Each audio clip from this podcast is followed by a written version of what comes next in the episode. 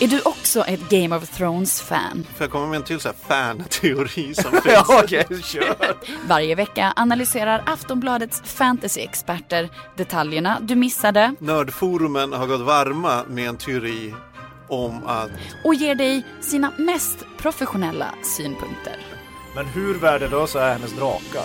Lyssna på Tronspelet från Aftonbladet varje måndag i din poddspelare. En podcast från Sportbladet. Det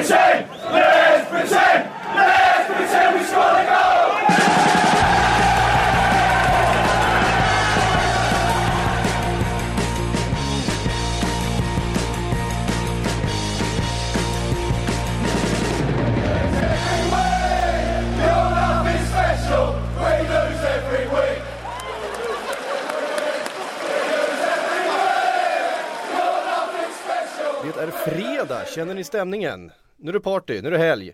Eh, och vi spelar in Sportbladets Premier League-podd en dag senare än vad vi brukar, så blir det ibland helt enkelt. Eh, jag hälsar välkommen till Kalle Karlsson och Robert Rosén. Eh, välkomna till eh, poddstudion. Vi har en hel del att se fram emot, att blicka tillbaks mot eh, och kanske något att raljera kring. Kan vi, eh, ska vi börja med det som precis har hänt? Det är nämligen så att Arsène Wenger har hållit en presskonferens som i alla fall supportrarna inte är sådär jättenöjda med. Jag vet inte hur mycket ni har hunnit få med er utav det, men det är i alla fall så att han har eh, han skyller helt enkelt en hel del utav eh, den senaste tidens resultat på fansen. Han kallar det för en a difficult climate at the Emirates.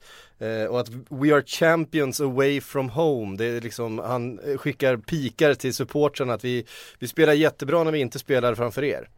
Eh, om man börjar skylla på supportrarna, hur eh, illa sitter man till då? Då sitter man eh, oftast väldigt illa till. Eh, är man Arsene Wenger som redan är satt under press och sen börjar skicka de här eh, knivhuggen lite till eh, höger och vänster och börjar peka ut syndabockar en säsong som Arsenal egentligen hade alla möjligheter att ta den där titeln. När topplag efter topplag har fallit ur den här titelstriden. Och långt in i säsongen så kändes det Arsenal som, som att det skulle vara deras tur. Då, um, då sätter man sig själv i en väldigt svår situation och det, det tror jag han kommer göra med de här uttalandena.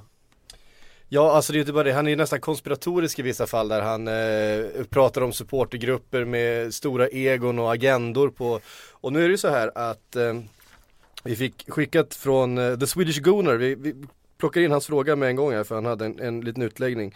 Eh, och det handlar om att Arsenal-fansen under lördagens eh, hemmamatch mot Norwich ska protestera mot klubbens eh, eh, riktning genom att hålla upp plakat och lappar som bland annat lyder Time for change. Man ska göra det i eh, 12 minuten och 78 minuten och vid full tid. Eh, Coventry hade en liknande protest på Emirates för ett par år sedan. Eh, han undrar då, eh, Swedish Gunnar undrar hur vi ser på Arsenals riktning, eh, vad vi tycker om den här protesten. Eh, och det då i samband med, det är ju därför som Wenger är frustrerad där. Han, han känner ju till den här protesten som kommer vara. Och han känner ju att eh, det blåser ganska snålt runt omkring honom och det är därför han uttrycker sig på det här sättet. Robert, ehm, vad, vad säger du om Arsenals riktning just nu? Den här protesten som kommer vara på lördag, hur mår den här eh, föreningen just nu? Ja, den, den här föreningen eh, mår väl inte, mår väl inte särskilt bra kan man väl inte direkt säga. Eh, Arsenals riktning har väl varit eh, nedåtgående i år efter år nu känns det som. Eh, de har ju trots allt haft, eh, nu kan de inte längre skylla på ekonomin som de gjorde för några år sedan och- eller någonting utan de har ju ekonomin och till, De är till vissa delar rik, spelar rikaste klubben i, i, i ligan i stort sett. Ja precis, alltså de, de har ju verkligen förutsättningarna eh, för att de ska vinna ligatiteln men eh, ja, Wenger verkar ju väldigt nöjd med att bara ta sig till Champions League och eh, då, det är väl ett tecken så gott som någonting om att det är något fel i en så pass stor klubb. Mm. Alltså kurvan i deras fall tycker jag påminner ganska mycket om lite berg och dalbana. För i början av säsongen pekar den ju ofta väldigt eh, rakt uppåt de senaste åren. Eh, de har värvat spelare som har fått liksom entusiasmen att stiga. Det var Mesut Özil och så blev det Alexis Sanchez och så blev det Peter Cech. Och det känns ju som att eh, i alla fall där så har de ju förändrats lite. De har vågat lägga större pengar på transfermarknaden. Men de har ju inte gjort det hela vägen ut. Eh, det är fortfarande så att de eh, eh, kanske de värvar spelare men de nöjer sig ändå med att lita på att Francis Coquelin håller eh, en säsong till utan att bli skadad. Vilket han inte gjorde och då påverkade det laget. Eh, jag tycker väl att eh, man kan, jag tycker inte kurvan har pekat ut för eh, de senaste åren men eh, i ett större perspektiv så borde den ha pekat uppåt och det har den Ja. inte gjort. Nej. Nej man ser ju ingen, man ser ingen utveckling, man ser ju inga framsteg och det vad som jag var inne på, den här, det här är ju en säsong eh, som kommer ha rekordlåga poäng för att dels vinna men också för att ta sig till, till eh, topp 4. Eh, jag vet inte om vi har haft det så här, vad kommer vi landa på? Säg att Leicester tar Säg att Leicester skulle ta sina Ja men säg 6 poäng då. Ja. Säg att de tar det då. Eller 3 poäng, det räcker med, med 3 poäng då. Ja. 79 vinner de ligan på då. Ja, Och och det att, att, Det är ha, att, att ha en, eh, en eh, ligavinnare på under 80 poäng, jag vet inte om vi har haft det tidigare. Det var, vi, vi pratade om det det. lite igår Robert. Det, Mm. Manchester United hade det kanske något år. Ja, de är ju i alla fall bland de lägsta. Jag vet eh, medier i England pratar ju om det nu för några omgångar sedan om att det var rekordlåga siffror. Så det, Mm. det är väl i alla fall om den inte lägsta så ja, näst lägsta eller lägsta ligger där runt omkring. Men det handlar ju också om att man tar sig till Champions League på kanske under 70 poäng till och med. Eh, vilket också är otroligt. Och jag menar en sån här säsong när Arsenal de senaste åren har gjort de här investeringarna som man har. Eh, man har ekonomin på plats, man har spelarna, man har laget. Och så är man ändå där och så kommer det ändå handla om en, en fight om att nå fjärdeplatsen. Och man är, man är långt ifrån att slåss om ligatiteln med, ja men egentligen med fem omgångar kvar. Mm. Nej men det, det är intressant det där. Eh, Alltså, man kan ju samtidigt se att Wenger har någon slags eh, eh, poäng i att stämningen på, på Emirates bidrar nog till att prestationerna blir eh, sämre. Men han är ju också ansvarig till att det har blivit så. Alltså hade han skapat ett lag som hade sett till att publiken hade fått energi av spelet så hade ju laget kunnat dra nytta av det. Typ Atletico Madrid. Som är extremt starka på hemmaplan och, publiken står alltid eh, för att vara den tolfte spelaren. Nu känns det som att han har ett mentalt svagt lag och där är han ansvarig. Som såklart påverkas ytterligare av att publiken eh, ah, har den här lite svala, svala stämningen på hemmaarenan. Vad säger ni om den här Time for Change-protesten då som ska genomföras? Ja men den är eh, naturlig, det, jag tycker inte det är något nytt heller. Jag menar det, du, du ser ju de där plakaten om vartannat och det har man ju gjort de senaste 3-4 åren. Eh, nu kommer den här kanske vara ännu större och mer utbredd och det är klart att det kanske får mer genomslag då men men äh, de där plakaten tycker jag syns ganska ofta på Arsenals matcher. Mm. Är Weng- Wenger kvar nästa säsong? Eh, Jag tror nog ändå att han blir kvar. För att eh, det är som sagt det känns som att det är så få bra tränare i dagens, eh, i dagens fotbollseuropa och framförallt som är en het kandidat till att ta över Arsenal och ser det som ett steg uppåt i karriären. Jag har ju känt någonstans det där eh, Han är ju extremt eh, envis Och en sån som kommer att stå fast vid sitt ord och jag kan inte se honom liksom att inte stå fast vid sitt ord. Han har sagt att han fullföljer sitt kontrakt. Han har alltid fullföljt sina kontrakt och han kommer göra den här gången också. Sen kände jag någonstans där, det var ju efter den där Stoke-matchen för ja, ett och ett halvt år sedan där när han blev liksom trakasserad av fansen där. Eh, att det kunde bli en situation där han själv kände att det är värt det här, verkligen. Men tror inte vi kommer dit utan han kommer att vara envis och stå fast vid kontraktet och klubben kommer inte sparka honom. Han har ju delat fansen eh, ganska länge ju. Så. Många som har velat ta bort men det är också många som har velat ha honom kvar och som eh, liksom verkligen eh, erkänner honom som eh, den kanske främsta tränaren i, i Premier League fortfarande men det börjar bli färre och färre på den sidan som, eh, som vill ha honom kvar. Det, det, de är en ganska, och inte speciellt högljudd grupp just nu. Nej men sen har det också varit så med att i och med att Arsenal tidigare inte har spenderat pengar och även om vi säger att de lagt ut på stora nyförvärv de senaste åren så är det ju ingenting i jämförelse med de andra toppklubbarna. De värvade ingenting i somras. De plockade in en Peter Cech. Ja. Det var det enda de gjorde.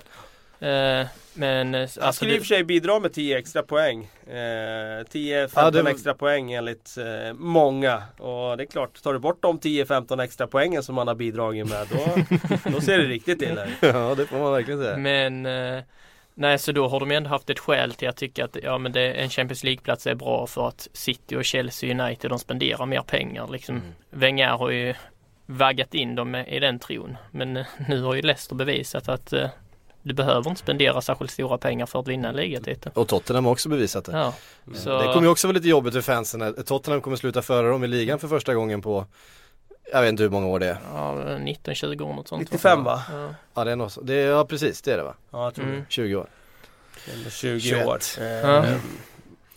Ja, nej men det, det, bara det kommer ju vara en, eh, en riktig prestigeförlust. Den kommer kännas ända in i märgen. För Arsenal-fansen har ju gjort sån grej av att sluta före Tottenham. De har ju den här St. Tottenham's Day där de Mm. liksom firar att nu kan inte Tottenham gå om längre i ligan. Och det har ju varit liksom en sån årlig tradition. Mm. Och Det kommer de inte få fira i år. Nej det är svårt att se. Eh, det är mycket svårt att se. Det är fem poäng upp och tre omgångar kvar. Eh, de möter Norwich. Som eh, länge var det laget som hade ett litet eh, försprång på de andra lagen i bottenstriden men som har halkat ner under strecket efter att eh, Sunderland då tog en poäng mot just Arsenal. Eh, och även eh, Newcastle har skrapat ihop några poäng och ligger då på samma poäng som, eh, som Norwich just nu på 30 poäng va? Eh, 31, 31 poäng. poäng, ja. och eh, Newcastle på 30. mm, Precis. Nej men det är kul med Sunderland framförallt tycker jag. Som, eh, som man hade ju dömt ut dem. Gör de det igen? Ja det sjuka alltså, hur, är ju hur att många de säsonger i rad göra ska det det liksom. Det är helt sjukt alltså. De har gjort under Utbrytarkungarna liksom? Di Canio, de har gjort under Gus Poirier, de har gjort det under eh, Martin O'Neill en gång i tiden tror jag Ja. också. Men det är ju precis, de har ju haft, vad är det nu de gör sin åttonde eller nionde säsong i sträck i Premier League och men bortsett från en, två eller kanske tre gånger så Ja. har det väl sett likadant ut Har varje de, gång. varit, Så. har de varit över liksom plats 14? Ja men de hade ju den där säsongen när de låg bra till i början där när Asamoah Gyan och Darren Bent och Mm. de öste på Just det. där under en höst där. Eh, men bortsett från den succésäsongen som det var eh, i stora delar så har de ju varit ett lidande gäng som har liksom klarat livhanken precis. Och den här säsongen kände man ju att de är så jäkla svaga så nu ska det inte gå. Och det kanske är lika bra att de får åka ur och få det där stålbadet och Mm. liksom rensa. För de har varit eh, i en nedåtgående spiral under så många år. Men jag kan inte säga att jag att de inte förtjänar att stanna klar, kvar nu. För sen, sen eh, Sam Allardyce kom in och de fick förstärka i januari med Kirchhoff, med Kasri, eh, Kone för den delen i mittförsvaret där. Då har de ju faktiskt sett ut som ett lag som hör hemma i Premier League. De är svårslagna nu och då klarar man ofta kontraktet. Eh, det skulle förvåna mig om, om eh, eller det skulle inte förvåna mig om de grejer det här. Jag får säga de gjorde det med Dick Advocat också. Även om han, Mm. Även om han inte kanske bidrog så mycket i poängsnitt så. nej. Men han löste det. Men, men alltså som vi pratade om Sunderland i början på säsongen. I, Alltså, alltså, såg som- ju så gråa ut. så- Så, så, vi pratade om det som bland det sämsta vi någonsin har sett i Ja, Premier League. hemska alltså. Eh, och de ställde upp med Kabul och eh, Sebastian Coates som mitt, alltså man kände att det där är, det där är mittbackspar som inte ens skulle lösa Championship-motstånd alltså. Eh, men, alltså Alardice Mm, han är ett exakt. geni. Ja, ja, ja. Definitivt. och eh, med en Jermaine Defoe där framme som vi pratade om förra veckan ju som, eh, ja man petar in dem. Mm. Oerhört nyttigt. Sen måste jag säga, eh, Kirchhoff har ju varit en fantastisk värvning. Mm. Eh, mittback som kan spela defensiv mittfältare och i Sunderland har han tagit den där rollen som städare på mittfältet. Och han har gjort skillnad, verkligen. Eh, kanske den främsta orsaken till att Sunderland har lyft det sedan januari. Och våra svenskar är rätt långt från startelvan. Ja det är de. Eh, Seb fick ju hoppa in här för någon vecka sedan men... eh, Han som var ändå han som var given, alltså en, av- en av de första som togs ut i startelvan under flera år. Eh, han ser ju inte alls ut att ha, ha den statusen kvar. Blir han kvar tror ni Sandra? Han förlängde väl kontraktet där, gjorde han inte det? Ah, jag, jag, jag, jag håller det inte för otroligt att han lämnar i sommar. Jag menar ingen speltid och vad ska han vara kvar där? Han är ju inte ung längre. Nej. Han är född 85 om jag inte minns fel. Stämmer. Eh, och varför ska han vara kvar där? Det är väl lika bra att han går till en klubb där han får chansen att vara ordinarie. Tror du det finns Ja. någon Premier League-klubb som är intresserad av hans Nej, tjänster? nej, det tror jag det, inte. Det, Det blir nog en flytt till eh, Han hoppade in mot Arsenal också En- senast. Ja. en mindre glamorös liga kanske om man säger som så. Eh, håller jag som rätt troligt. Eh, han är ändå, han är som sagt han är över 30. För ny förbundskapten det är troligt att han kanske fasas ut därifrån också. Ja, att han, att han sticker till någon, li, till någon mindre glamorös liga och ska vara på ett bättre kontrakt. Så, Eh, Danska ligan-läge? kan, kanske inte riktigt än, det blir en mellanlandning först. Turkiet eller något sånt där, Mm. tror du inte det? Grekland. Det känns, Grekland. känns rimligt. Panathinaikos utökar svenskkolonin eller något sånt. Ja, precis. Eh, ja, så här ser i alla fall spelschemat för de tre lagen eh, som fightas där nere. Aston Villa har vi ju räknat bort. Ligger på 16 poäng. Hur, hur mycket var det Burnley fick där eh, när de... Eh, Ja, Burnley, Darby- hade Darby- ju, Darby, var det förlåt. 11 Tio- poäng va? 10 eller 11, ja. Ja, Ja, eller det var något sånt. Ja, En, en, ja. en seger hade de väl, jag tror det var 11 poäng till slut. det kan det ha varit. Jag, ska, jag kollar upp det under tiden. Slog väl, 07, slog väl bara 08. Newcastle på hela säsongen tror jag. Typ så att det var Newcastle. Jag för mig att de tog en meriterande poäng den säsongen mot United som vann ligan och Champions League. 0-0 i den matchen. Ja, 11 poäng ja. 11 poäng. Ja men det är ändå, det är ändå fem poäng ner då för, för Aston Villa. Som jag, inte, jag, jag tror inte de tar några fler poäng. Det finns ju inget som, som tyder på det. Eh, det är, de gjorde i och för sig två mål mot Southampton. Mm. Det, var ju, det var ju oväntat. Väldigt oväntat skulle jag säga. Eh, men så här ser i alla fall spelschemat ut för Newcastle, Norwich och Sunderland. Eh, Newcastle är en match mer spelad. Ska man komma ihåg. Det betyder ju inte alltid så jättemycket i de här eftersom de tar så få poäng eh, i den här, de här regionerna. Men eh, Sunderland har Stoke, Chelsea, Everton och Watford. Men alltså Stoke borta, Chelsea hemma, Everton hemma och Watford borta. Jag hade fel där. United vann den matchen med 1-0. Ronaldo avgjorde med en kvart kvar. Okej. Bra, då för vi det till Ja, protokollet. då tar vi det i protokollet. Hur många poäng tar Sunderland utav eh, på de här fyra matcherna? Stoke borta, Chelsea hemma, Everton hemma och Watford borta. Eh, men ja, alltså med tanke på att eh, Sunderland är i form, de är svårslagna så jag tror inte det får omöjligt på något vis att de kan ändå ta upp en sju poäng eller något sånt kanske. Fem, fem poäng kanske gissa på. Det är ändå tuffa matcher med att de kryssar eh, någon på bortaplan och vinner hemma. Nu är det i och för sig Mm. tuffa hemmamatcher men ja, jag tror att de vinner en av dem där. Stoke, Ja, ju, sen- Stoke har ju tagit semester känns det som. vinner Där en av dem där och kryssar två då. Ja precis, Ja. men som sagt Stoke, Stoke har ju tagit semester. Everton har inget att spela för. Watford har inget att spela för. Sen, Ja, de har ju eller att spela för och Mm. då, då får man ju alltid värdera hur, liksom, hur mycket det är. Jag menar Ja. Stoke som har gjort nu 1-12 på tre matcher. Mm. De eh, måste ju någonstans skärpa till sig. Alltså det ser inte snyggt ut. Även om de är säkra Mm. i tabellen så ser det inte snyggt ut att avsluta säsongen på det här sättet. Eh, så jag tror att Stoke är en tuff match. Jag tycker, tror den är tuffare än flera av de andra matcherna de har. Men f- Eh. låt säga 57 då. 57. Norwich har Arsenal borta, United hemma, Watford hemma och Everton borta. Tre poäng. Ja, skulle precis säga. Tre de poäng. ska Man nu vara nöjda om de får tre. Watford hemma Ja. eh, eventuellt då. Eh, och Newcastle har Palace hemma, Villa borta och Spurs hemma. Villa borta det är ju tre säkra. ja. För ett Newcastle som, som Det har mycket det att spela för. Så det är tre poäng. Så då är frågan hur många tar man mot Palace? I helgen. Pardew-derbyt. Hemma. Hemma mot Palace. Ah men de vinner den. De vinner Ja, den. Det är det sex, tror då, då, då, är det, sex då är det sex poäng för Newcastle och då hamnar de då på samma poäng som Sunderland.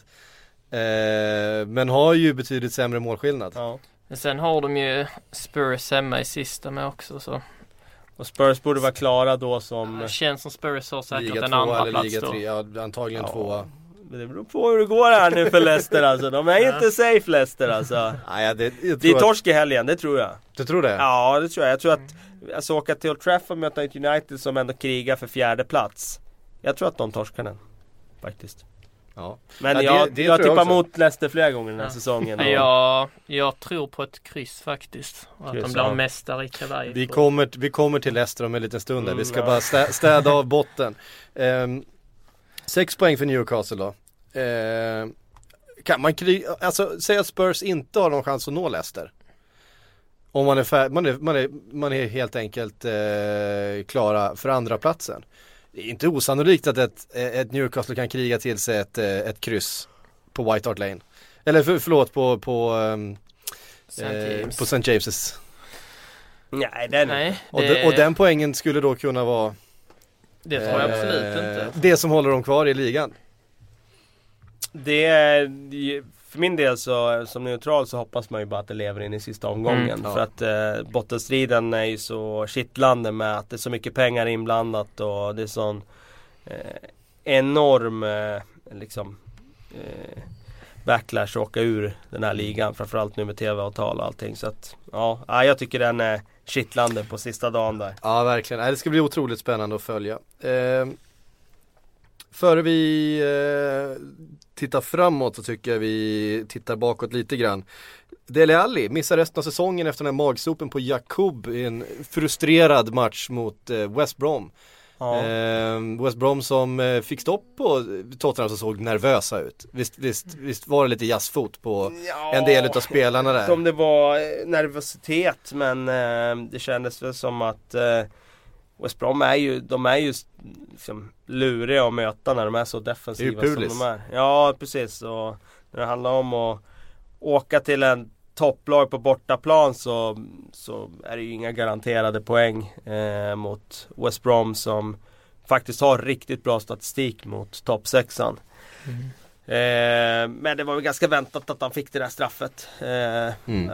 Det kändes som, gör man sådana där grejer liksom utanför. Min, min absoluta favoritsekvens i allt det här Det är när eh, Sones ska kommentera det strax efter och man tänker sig då att en, en expert ska döma ut ett sånt här beteende Men nu är ju inte Grimace Sones precis som alla andra Han kanske är den fulaste spelaren som vi någonsin har haft i, i ligan Han var en hårding. Eh, han, han kommenterar helt så här, visar att det är lite djävul i grabben. Det är, precis, det är precis den attityden man behöver för att bli en riktigt stor spelare. Han blir alltså hyllad utav Graham Sonet för att han har sopat Jakob i magen. Ja, okej. Det tycker jag är för jävla skönt. Eh, samtidigt så är det ju en idiotisk grej att göra i det här skedet Ja, på säsongen. ja, det är tre ja. matcher kvar. De har liksom en ligatitel fortfarande att spela om. Och han är en av lagets viktigaste spelare. Men som sagt, Nej, han är ung och han det är är jättedumt. Det är, det är ingen tvekan om det. Eh, nej men man får ändå, får ändå eh, lyfta på hatten för eh, West Brom i den här matchen tycker jag. Eh, de, eh, jag undrar här lite hur, eh, vilket lag som ska hitta liksom taktiken för att stoppa Tottenham och det tycker jag att de gjorde. Sen kan man alltid säga liksom, ja Tottenham hade chanser. Ja det är klart de har chanser. Så är det ju alltid. Ett bra lag kommer alltid ha chanser på hemmaplan mot ett lag som ligger på undre halvan. Men taktiskt sett så tycker jag att de fick stopp på kanthotet i Tottenham. Det vill säga hotet från Walker och eh, Rose på ett sätt som andra lag inte har fått. Mm. Vi, kastar in då en fråga som eh, vi har fått, vi, vi, vi blandar lite. Vi har fått från Falkenberget. Eh, borde Jonas Olsson ha en plats i EM-truppen? Jag tycker det utifrån att Sverige i mötena med Danmark där i höstas eh, gick tillbaka till någon slags enkel, rak eh, 4-5-1, 4-4-2 fotboll. Eh, som bygger lite mer på lägre försvarsspel och eh, där. Eh, fotbollen som Sverige gör som bäst om jag ska vara Mm. eh, riktigt krass. Eh, jag tycker att han har en funktion att fylla där. Eh, jag är inte säker på att han är startspelare i ett EM men eh, tycker definitivt att han är en av fyra mittbackar. Jag tycker framförallt det, det faktumet att han är eh, Dels för att han är väldigt rutinerad men han, han möter ju liksom världsstjärnor på ett sätt som ja, ingen annan svensk eh, mittback gör i samma utsträckning varje vecka i stort sett. Eh, han, han, han är van att spela i ett tempo som eh, många andra utav de svenska mittbackarna inte heller är vana vid. Och han är dessutom en gris. Alltså han kan, ju, han kan ju plocka fram den sidan. Det kan det i och för sig finnas fler utav de svenska backarna som har. Eh, Men jag menar, ska du in och stångas med en eh, superrutinerad internationell anfallare som kommer ta till varenda, varenda knep som finns i boken. Då kan det vara lite jobbigt att slänga in en eh, Nilsson Lindelöf från Benfica i en sån situation som eh, inte har gjort så många seniormatcher och inte har den rutinen. Jag vet inte, jag, jag, tycker det är värt någonting att, att ha i truppen men jag kanske håller med om att han inte är en startspelare. Jag har väl varit lite velat lite fram och tillbaka gällande för ja, som sagt inte, inte heller en startspelare i mina ögon och framförallt inte i Hamrens. Och jag har väl känt lite att ja, på ha en kanske en fjärde mittback som ja, ändå är i den åldern. Då känner jag bättre att ha en som får komma med för lite mästerskapsrutin och så vidare. Men men i nuläget skulle jag ändå säga att ja, att Jonas Olsson ska med till EM-truppen. Och det är också mycket på grund av att svenska mittbackar idag, vi har den svagheten i, i bredden också. Mm. Eh, så att, eh, ja, jag landar väl till slut i någonting om att Jonas Olsson bör följa med som en eh, bänkspelare. Mm. Jag, jag gillar ju inte det där med att ta med spelare för att de ska få mästerskapsrutin. Jag tycker att man ska ta med de bästa spelarna för det här mästerskapet. För att truppen man får ta med är ändå rätt liten. Det är fyra mittbackar och det låter mycket från början. Men sen får du en skada tidigt, vilket kan ske. Du kan gå på, på träning dagen innan mästerskapet börjar. Får inte anmäla någon annan. Men säg att, Och så- Gran, säg att Granqvist går sönder i första matchen. Ja men första matchen, låt Ja. säga första matchen då. Ja och sen har du en som är avstängd i en eventuell åttondelsfinal på, på varningar. Ja men då ska du skicka in den här fjärde mittbacken som du har tagit med bara för att han ska eh, liksom få spela biljard med Zlatan och skaffa sig rutin, rutin liksom. Mm. Jag tycker det är helt fel. Ta Svennis som tog med Theo Walcott. Eh, men han hade ju aldrig tänkt spela honom. Eh, och sen hade ju inte England några offensiva pjäser att slänga in sen i det mästerskapet heller. För att han hade ju lagt en truppplats till en spelare som han inte hade tänkt använda. Så Nej, det, det blir jag tror man, ham- man riskerar, det kan vara liksom jättebra men det är en chansning Mm. och det är inte alls säkert att det liksom mynnar ut i det som, som man vill att det ska mynna ut i heller. Nej men sen är det väl alltid en värderingsfråga också. Om man säger Svennis tog det ett steg för långt. Eller definitivt två, tre steg för långt att ta med en kille som inte har spelat någonting överhuvudtaget. Utan i så fall får man ju ta en spelare som ligger på gränsen eller som inte är någon större kvalitetsskillnad. Och Ja. jag tycker inte att Jonas Olsson har så pass mycket högre kvalitet än andra svenska mittbackar. Nej just kva- kvalitetsmässigt kan jag hålla med men jag, jag tycker på något sätt det är synd att, att inte ha med den rutinen och den, den erfarenheten i, i truppen. Man åker och det är, det är många, alltså på väldigt kort tid spela ihop ett, eh, ett lag som väldigt sällan ses. Mm. Eh, och då kan, jag menar bara ha, en, ha någon på träning och kan eh, bidra med, med eh, kunskap och erfarenhet. Sånt eh, gillar jag. um, det om eh, West Bromwich och eh, Tottenham. Leicester visade ju inga, eh, inga nerver i helgen. Nej, fick ju Eh, god hjälp också tycker jag av ett eh, oerhört svagt Swansea. Ja, Swansea har ju också tagit semester. Det får ju... Ja, och det är lite synd att det blir så i avgörande matcher som liksom ändå avgör ligor. Eh, då var det ju extra olyckligt att Ashley Williams som har gjort en väldigt bra säsong bjöd på första målet där men sen jag tyckte de kapitulerade totalt där. De var inte... Eh, ah, det, det var lite väl enkel resa de fick Leicester. Sen måste man ju ändå imponeras av att de bara städar undan en sån match Mm. där det Nerver såklart kan spela ett spratt men Och där Vardy är avstängd och... Vardy är avstängd och Loa går in och gör två. Mm. Eh, ja, det, ah, det var ju riktigt starkt såklart. Eh, och nu har man som sagt eh, United på söndag. Kan bli mästare i kavaj. Eh, Kan och- bli mästare utan kavaj Ja, också och det är... Vinst så Ja, vinner just vi det. söndag. Ja, det är sant. Ehm, och det som det pratas en del om är ju att Kasper Schmeichel kan komma hem till eh, Manchester och, och ta den här ligatiteln på Ja men hans, eh, liksom pappas eh, hemmaplan då eh, på Old Trafford och det vore ju en, en, en häftig historia i sig. Eh, Kasper Schmeichel som har utvecklats ganska mycket den här säsongen Ja det får man säga. De senaste åren. Jag tyckte han var en sparver när han eh, dök upp i Leicester från början. Mm. Det kändes, det kändes som han levde på sin pappas meriter Ja, liksom. liksom. i City under Svennis där så Mm. tyckte jag han ja, såg så liten ut i målen. Nu har han liksom växt i den där kostymen på ett sätt som gör att han är en fullvuxen toppmålvakt. Ja det skilde ju honom från pappan som han tyckte, han fyllde upp hela, hela mål eh, eh, eh, stundtals kändes det som. Han var liksom stor och bred och syntes verkligen. Det, det tycker man fattades lite hos, hos Kasper men nu, nu eh, ser han ju ut som en toppmålvakt Jag minns inte om jag sagt det i podden tidigare eller så har jag bara drömt att jag sagt det i podden tidigare. Men han, han har ju inte bara räddat bollar den här säsongen utan han har ju eh, liksom bjudit på tekniska nummer som är av en helt sjuk hög nivå. Han drog här en match, det här är väl typ tre veckor sedan eller något sånt där. Så ska han sätta igång spelet. Och då kastar han upp den och sen drar han liksom på volley men en skuren yttersida ut till sin högerback då, det blir ju Danny Simpson. Eller om det var på Mahrez direkt, det minns jag inte. Jag minns inte vem som tog emot den. Men alltså en stenhård skruvad yttersida från en målvakt. Eh, som ligger limmad efter backen. Och ja, jag kan inte minnas att jag sett en målvakt dragit den typen av utspark. Eh, du har ju den här sydamerikanska utsparken när de liksom lägger den på volley och snedsparkar och drar den med väldigt flack bana. Och man kan pricka en anfallare som eh, kontrar. Men att dra den så på det sätt som han gjorde efter backen, det kan jag inte minnas att någon målvakt har gjort. Och det var så här, wow, jävlar. Eh, så att, ja, han har verkligen lagt till saker i sitt register.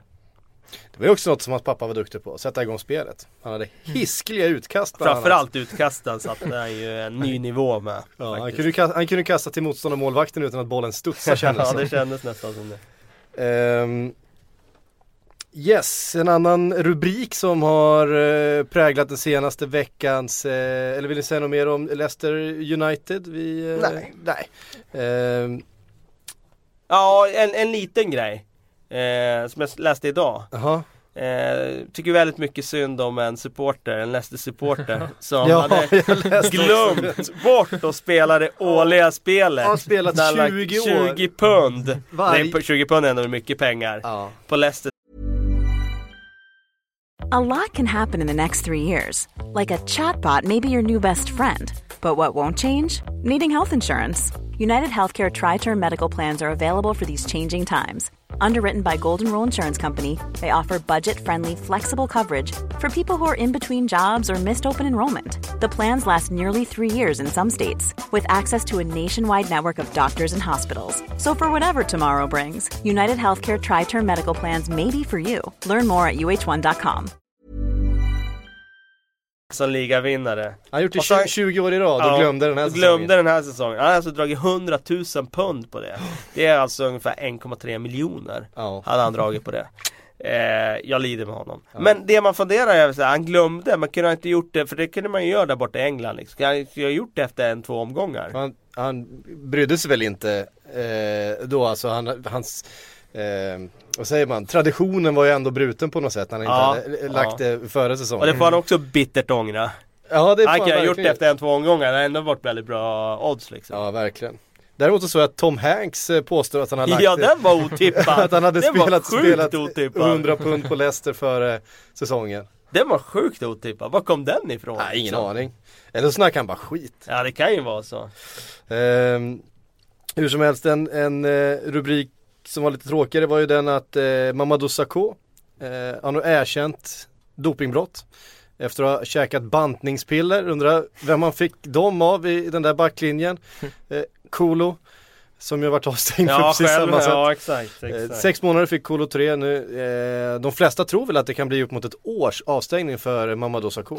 Ja, alltså det, det vore intressant att se någon transparens när det gäller det där med avstängningar liksom. Ena gången är det tre månader för Edgar Davids nere i Italien eller vad det var. Eh, och sen är det nio månader för Rio Ferdinand för missat eh, dopingprov. Sen är det sex månader för någon som har fällts. Alltså, det är väldigt... Eh, Kolo fick sex månader.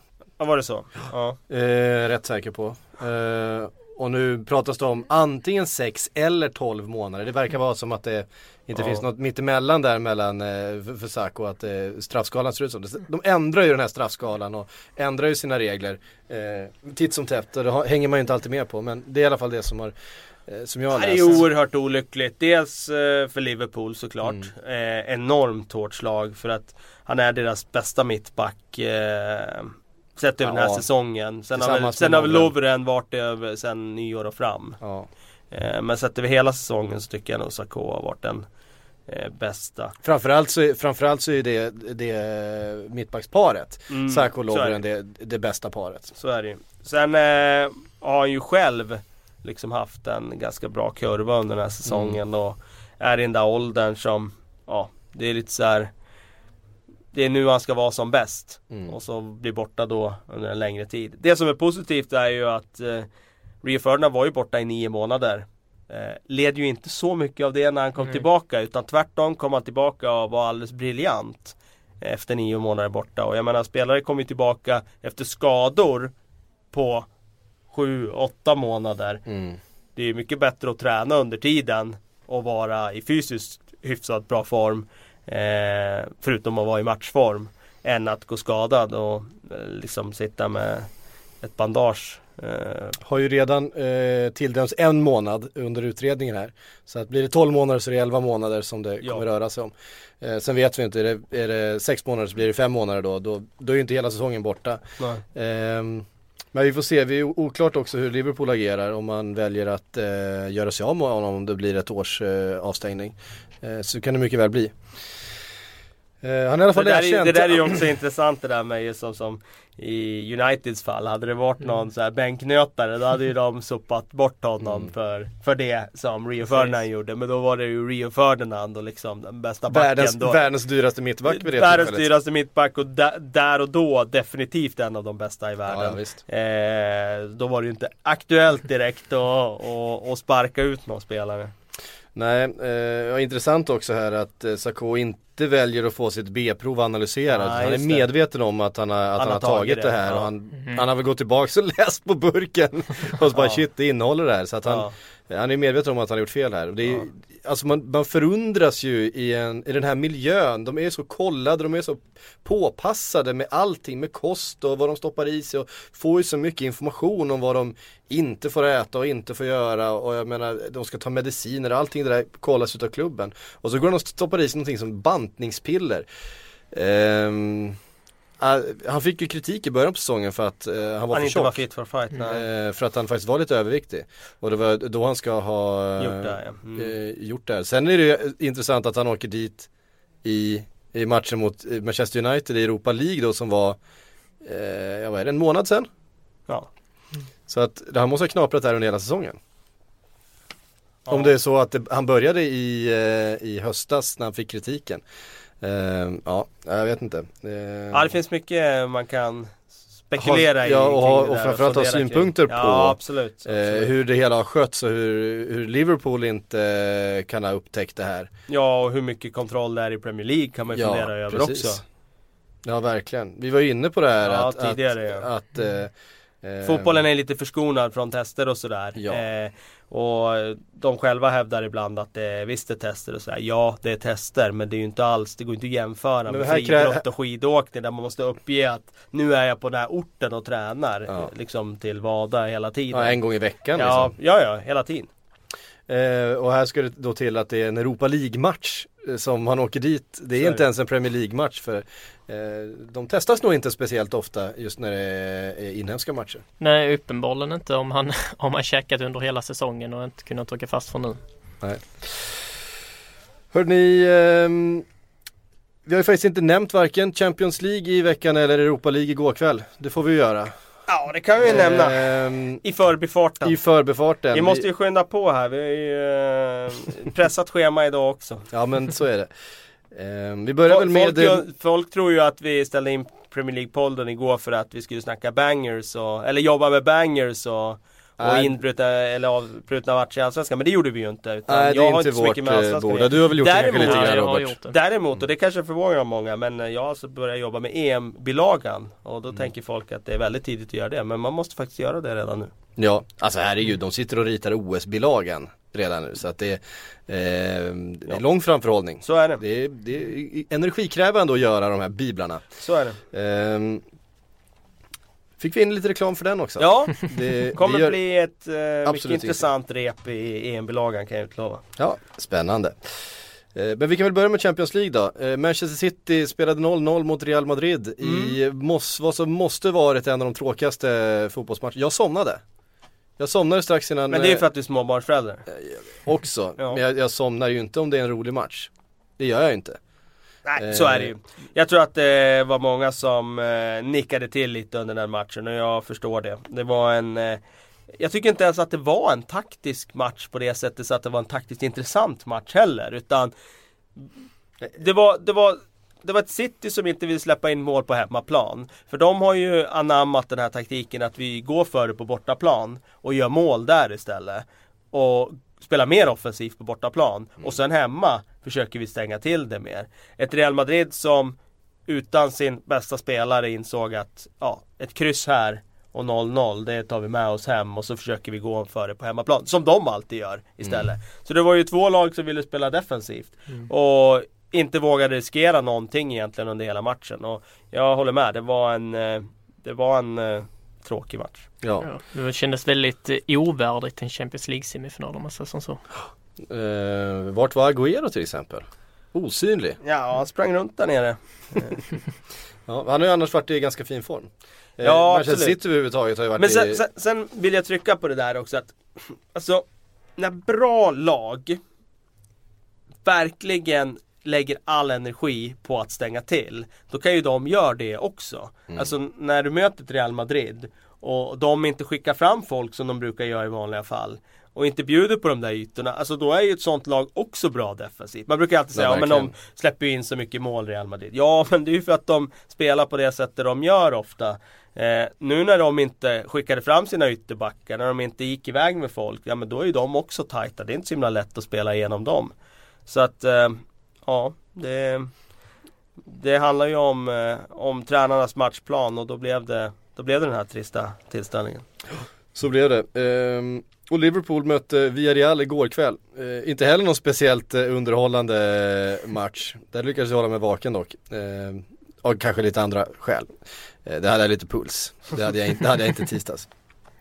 Eh, blev en lite snöplig förlust till slut för Liverpool i 92 minuten var det det? 92, 93 där. Som Dennis Suarez eh, spelade fram, vad heter han? Eh, som ersatte Soldado under, eh, ja skitsamma. Eh, 1-0 till Villarreal. Det är, det är inte helt kört för Liverpool, det, det kan jag Nej, inte säga. Liverpool som, inte. som gjort ganska mycket mål på hemmaplan framförallt senaste tiden. Så att det, kommer, det kommer nog se helt annorlunda ut på Anfield, det kan vi vara Ja det kommer det göra. Det som är eh, det luriga där det är ju att de här eh, 1-0 segrarna på hemmaplan tenderar ju att betyda ganska mycket. Mm. Just Ett mål borta, ett då mål måste man göra tre, liksom. tre liksom. Och, ja, det blir intressant att se. Eh, jag kände inför det här mötet att Villarreal blir en jäkligt svår nöt att knäcka alltså. Mm. De har varit väldigt bra i La Liga den här Ja, säsongen. mycket bra lag. Men framförallt på hemmaplan. Mm, så Det är ju ett eh, väldigt hemmastarkt lag. Så. Eh, så att ehm, de hade ju bara släppt in ett enda mål under hela Europaspelet på hemmaplan. Ja, du ser. Eh, så att det, det är inget lätt lag att göra mål på. Dessutom väljer eh, Klopp att ställa upp utan renodlad striker utan han eh, han ville, han, det var ganska tydligt för hans del att han ville ha med sig ett, eh, en nolla därifrån, han ville ha med sig Mm. ett kryss därifrån för att kunna gå för det hemma då. Han känner att man har bra, bra form på, på Och Anfield det här är ju intressant bra också. energi Det är nu. intressant också. Han blir ju sågad nu, eh, Klopp liksom för att han inte hade Sturridge på plan Ja. och så vidare. Eh, men jag menar, gör Moreno bara mål i det där läget i Mm. slutminuterna. Eller då- spela fram Ibe som, som Ja, eller spela fram Ibe. Bara se till så att det blir mål. Mm. Då är ju Klopp geniförklarad. Då har han ju stängt igen matchen, fått med sig 1-0 borta. En smash and grab. Eh, Mm. Då har han gjort allt rätt.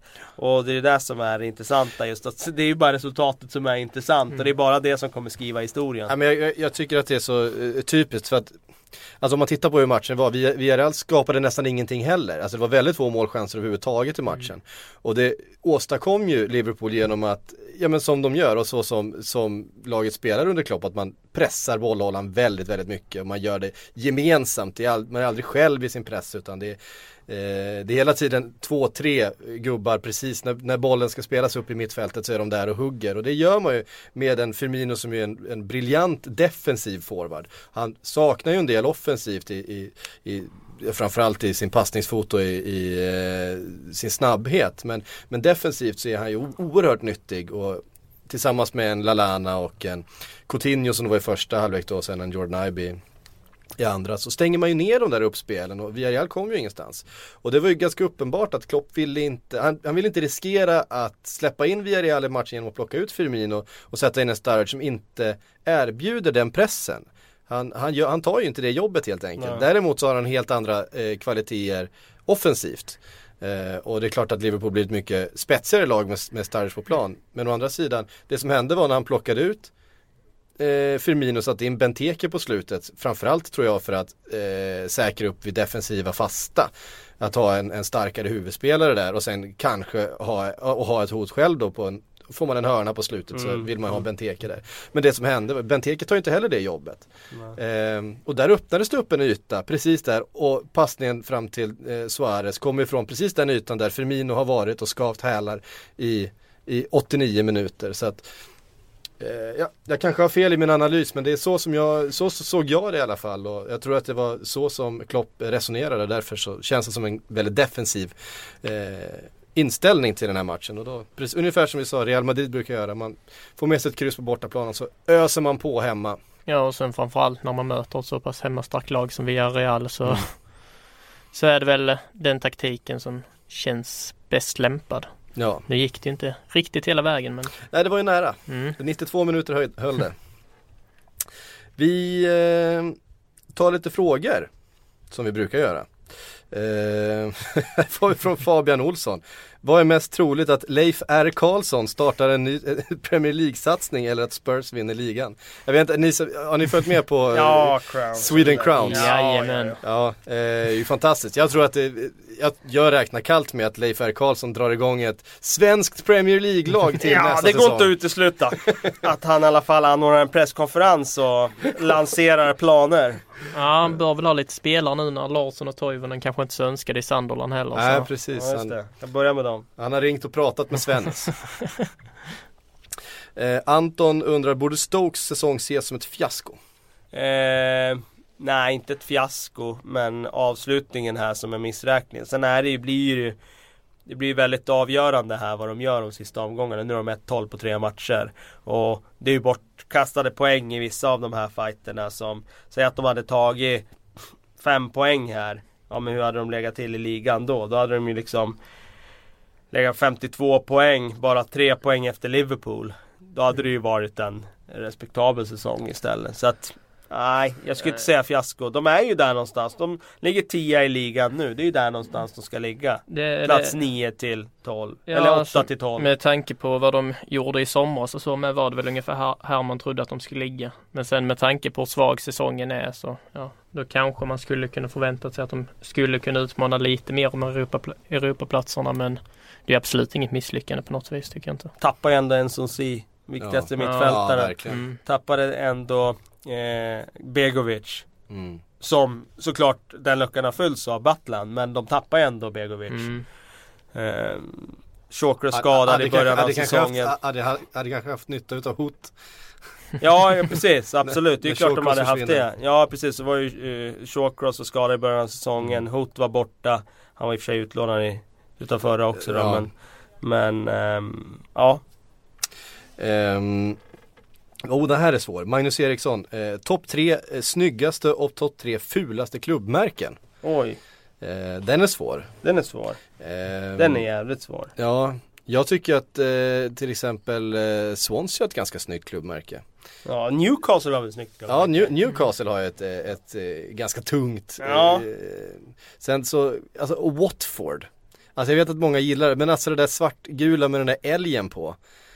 Jag vet inte vad jag tycker om det. Nej, det gillar inte Nej, jag är inte riktigt glad i det heller. Ja. Eh, inte, inte skitsnyggt. Sen tycker jag att Norwich är lite snyggt. Jag gillar den där gula och gröna med, med kanariefågel på. Jag tycker det är lite läckert faktiskt. Eh, men sen Bournemouth får väl inte heller ett särskilt grant. Shit, nu kommer jag inte på hur det ser ut ens. Det är väl en, eh, en människa som hoppar upp och nickar, inte det? Ja, nej den Ja, är just det, trist. den är- den är trist, snygg. Det, det är alltså. väldigt tråkig. Ja den är trist. Den dömer vi ut. Det är det absolut fulaste. Ehm, vad har vi mer då? Ehm, Leicester ser ju ganska torrt. Det är det där med räven i mitten där. ja, ja det, är ing, Ja. det är ingen höjdare. Ja, men jag, jag tycker inte det är inte bland de tre. Inte bland de tre sämsta känns det väl inte riktigt. Nej, kanske inte. Ehm, Ehm, alltså, jag tycker att Arsenal Sunderlands så är väl ganska snyggt. Sand, Sunderland ser lite coolt. Med lejonen där som står på Mm. varsin sida. Arsenal så har de ju skruvat så mycket på. Det, där gillar man ju det gamla klassiska men det är väl bara för att jag är lite nostalgiker. Ehm. Sen så, jag gillar ju när, när saker på eh, klubbemblemet bety- verkligen betyder någonting. Ja. Alltså det, det finns symbolik i det. Alltså, Precis. som Liverpools eh, eh, facklor till exempel som står för Hillsborough och Hazel. Eh, att det finns en relevans. Nu, nu är det så mycket påhäng på den där. Så du ska in Liverpool på topp tre där? Nej men det, det vet jag inte för det är snyggast men jag gillar, jag gillar grejen att det finns symbolik i eh, alla detaljer. Ehm, och att man inte pillar för mycket med klubbmärkena eh, uppskattar jag också. Det, det köper jag helt och hållet. Sen eh, om man kollar mer bland de fula så tycker jag väl Stoke har inte heller ett så himla Nej, roligt. De, de var eh, inte något, något jättekul klubbmärke. Nej, så Nej den, de, den, de den och ser Bournemouth sterilt är- ut faktiskt. Cardiff City efter... Eh, Har inte de ändrat tillbaks eller? ja, de var ju... Ja, de gjorde de det? Jag tror, de har väl bytt tillbaks till, till blåa tröjor? Ja precis, men har de gått tillbaka i klubbmärke också? Det måste de väl ha gjort? Ja det kanske de gjorde. Det där ser ut som någon Ja, Som något samband men, ja, mellan men vi hade några där i alla fall. Ja. Ehm, här- kommer den ännu svårare. Jag har faktiskt förberett mig lite här. Eh, för, att, för att underlätta. Kristoffer Schmidt undrar om alla lag på topp 6 just nu var en godissort. Vilka skulle de vara? Jag tar dem nerifrån då. Jag, jag, jag, jag ägnade det här 10 minuter. West Ham, Hubba Bubba.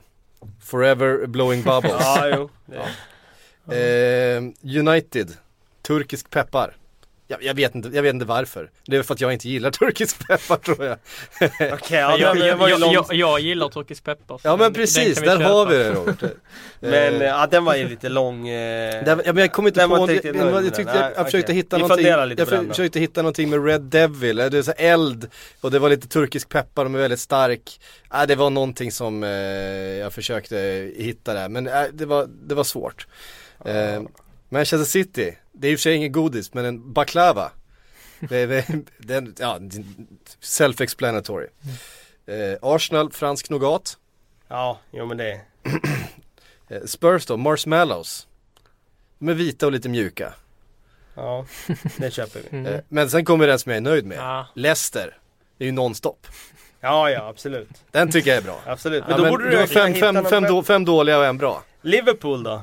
Men det, de är inte topp 6. Nej men eh, om du skulle ta Liverpool då? Enklast är ju Everton. För de är ju toffis.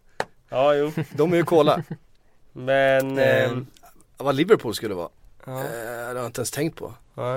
Eh, något rött. The Reds. Eh, Men vilka får man in under gott och blandat? Min gamla favorit. Det måste ju vara någon som har blandat och gett i spelartruppen men... Gott och blandat kan väl vara Stoke då? Ja, skulle kunna vara. Eh, är, det något lag som spelar med väldigt lite utländska spelare som kan vara engelsk konfekt? Det skulle ju kunna vara Werthers original också. det var ma- massa tyska spelare. Ja, precis. Ja, det är Eh, kanske det som är... Det är kanske det som är Liverpool Ja. just nu Werthers original. Ja, där har vi det. Eh, Johan Jönsson undrar vilka som är våra favoritarenor i England och varför? Ja, alltså. Sellers Park för min del just nu. För jag tycker ju att det är väldigt, väldigt bra stämning där. Jag har inte besökt så många ska jag vara. Det blir liksom Anfield när jag åker och kollar fotboll. Eh, Som jag tycker om. Nej men sen det, det beror ju mycket på sådär också med matcher och sådär. Alltså det är klart, Mm. är du på Anfield en Europakväll när det, när det är Det är ju ganska den magiska stämningen, då är ju den häftig. Eh, Jag hade velat åka till St. James's faktiskt. Där har inte varit. Eh, En, en, en kväll när det går bra för Newcastle så de inte är på så dåligt humör. Ehm, jag kan säga att sämsta arenan jag varit på var eh, Etihad. Alltså, jag har aldrig frusit så mycket i hela mitt liv. Satt skithögt upp. Eh, det var halvtomt på folk. Det var noll stämning och det var fan mig svinkallt alltså. Eh, ville gå i halvtid. Ehm, Erik Rosberg skriver, det har tystnat, eh, du fick inte säga vilken, vilken du tycker är bäst? Nej men jag, jag känner väl också det att jag, jag har besökt för få för att eh, ge ett rimligt svar på den. Eller? Erik Rosberg skriver, det har tystnat en del kring Louis van Gaal, eller? Hur tolkar ni tystnaden? Nej, att United har vunnit någon match här på sistone. Eh, så tolkar jag tystnaden. De Ra- gick- Rash, gick- Rashford håller... Ja men de eh, gick ändå till den här FA Cup-finalen nu. Då Ja. liksom, det, då, då, då dämpar det liksom de här värsta eh, liksom krisrubrikerna. Men jag har svårt att se att de inte har gjort klart det här med Mourinho. Nej. Med tanke på hur mycket som har kommit fram där. Det håller jag verkligen ut. med om men sen är det som du säger, de har gått till fa Cup-finalen och sen, jag menar de har vunnit några matcher samtidigt som Arsenal har tappat lite. Det finns ändå en teoretisk chans att nå en Champions League-plats. Alltså, Mm. Man kan inte dra igång det värsta att skälla på nu om han skulle ta till Champions League och FA-cupen. Eh, Så jag tror väl det är därför det. fa Cup-titel och en, plats, och en eh, fjärde plats. Det får ju ses som en eh, framgångsrik säsong ju. Eh, utifrån den situationen som var förra säsongen. Ja, ja, framgångsrik vet jag inte riktigt om jag skulle säga Nej, med, med, med, med tanke på hur mycket pengar de spenderat och så här, men med tanke på hur spelet har sett ut under säsongen och sånt så skulle man väl absolut inte kunna tänka sig det om vi backar bandet till november eller något sånt. Eh, så på så vis får man säga framgångsrik men eh, med tanke på just pengarna de spenderat och allt sånt här så får man säga att då, då gör de en okej säsong och inte en underkänd säsong. Du, du, du tycker inte den är underkänd alltså? Jo, men alltså om de skulle ta sig till Champions League och eh, vinna FA-cupen. Det är svårt, det, Alltså det är då- svårt att kalla det då- underkänt då- alltså tycker jag. då- Alltså där, när man för- kommer ifrån från den säsongen som man hade förra året. För jag vet inte, för nej, då även om kanske, pengarna som de spenderat så alltså jag vet inte, jag såg inte Manchester United som en reell kan, en Det titelkandidat. var ju rätt många som Så- gjorde det. Jag gjorde inte heller det. Men Nej. eh, det var ju rätt många som gjorde det inför säsongen. Och då Precis. var det ju många som slog fast att slåss de inte om titeln då är det ju ett fiasko. Ehm, men det är klart att saker och ting sådär förändras ju ganska mycket eftersom Mm. de ganska tidigt på säsongen, i början, första sju omgångarna så gick det ju bra resultatmässigt så då Precis. ledde de ligan. Men sen ganska tidigt på hösten stod det ju klart att oj, eh, de kommer inte ha någonting med titeln att göra så. Mm. Ehm, så Ja, Och så ja har man- det är svårt det där alltså. Har man lagt de pengarna då tycker jag att man ska kriga om titeln. Ja det, det ska man göra utan tvekan men eh, som sagt jag tyckte inte, tyckte inte trots allt när fönstret stängde att United såg som en titelkandidat utan jag såg Men- några andra lag som betydligt men- starkare. Mm. Men, Eh, men då har du ju inte bedömt managerinsatsen utan du har Mm. bedömt egentligen insatsen från det att säsongen startade. Men det är ju Fachal som är med och värvar spelare Ja, ja. också. Och då, då har de ju inte lagt pengarna på rätt spelare i så fall. nej det har de ju inte gjort. Eh, nej, det är ju rätt uppenbart. Ja. Eh, att det har gjorts en del missräkningar där. Ja, Eh, men å andra säger. sidan så har man fått fram en eh, Marcus Rashford. Eh, Det har varit intressanta jämförelser också under veckan där Manchester City har eh, tyckt att det varit lite väl mycket eh, rubriker om Rashford när de faktiskt själva har en Iheanacho som kanske, han har väl hit- bäst målsnitt i hela Europa just nu om man sett Typ. till den senaste månaden. Eh, har vi också gått i det? Har vi pratat mer Rashford än Iheanacho? Det har vi nog gjort. Det måste vi ha gjort. Eh, men sen är väl Iheanacho är väl ett år äldre va? Han är väl jag tror det är 19? så. Han var ju med när Sverige tog brons i U17-VM, blev han ju tvåa i skytteligan. Bakom, Ja, en, bakom en viss 96. Valmir Beric. Han är 96 så han fyller Ja. 20 år. Precis. Men har gjort 11-12 mål i ligan. Ja, något sånt. Jag Vilket är hur många ju- är. Rashford är väl 97 va? Stämmer. Mm. Eh, så det det är en anledning att han är yngre. Eh, sen tror jag en anledning är också att United har ju inte Han kom ju från ingenstans verkligen Rashford. Han kom från Eh, ingenstans plus att han har ju liksom blivit en slags räddare för dem. Det har ju inte Iheanacho. Han har hoppat in och gjort några mål i slutet och sådär men han har ju inte Han har ju inte räddat Citys säsong. Nej. Eh, och där tycker jag liksom, där är den stora skillnaden mellan de två. Därmed inte sagt att eh, Iheanacho förtjänar sina hyllningar, för det gör han ju. Nej, nej, men, Fem mål den här säsongen har han gjort.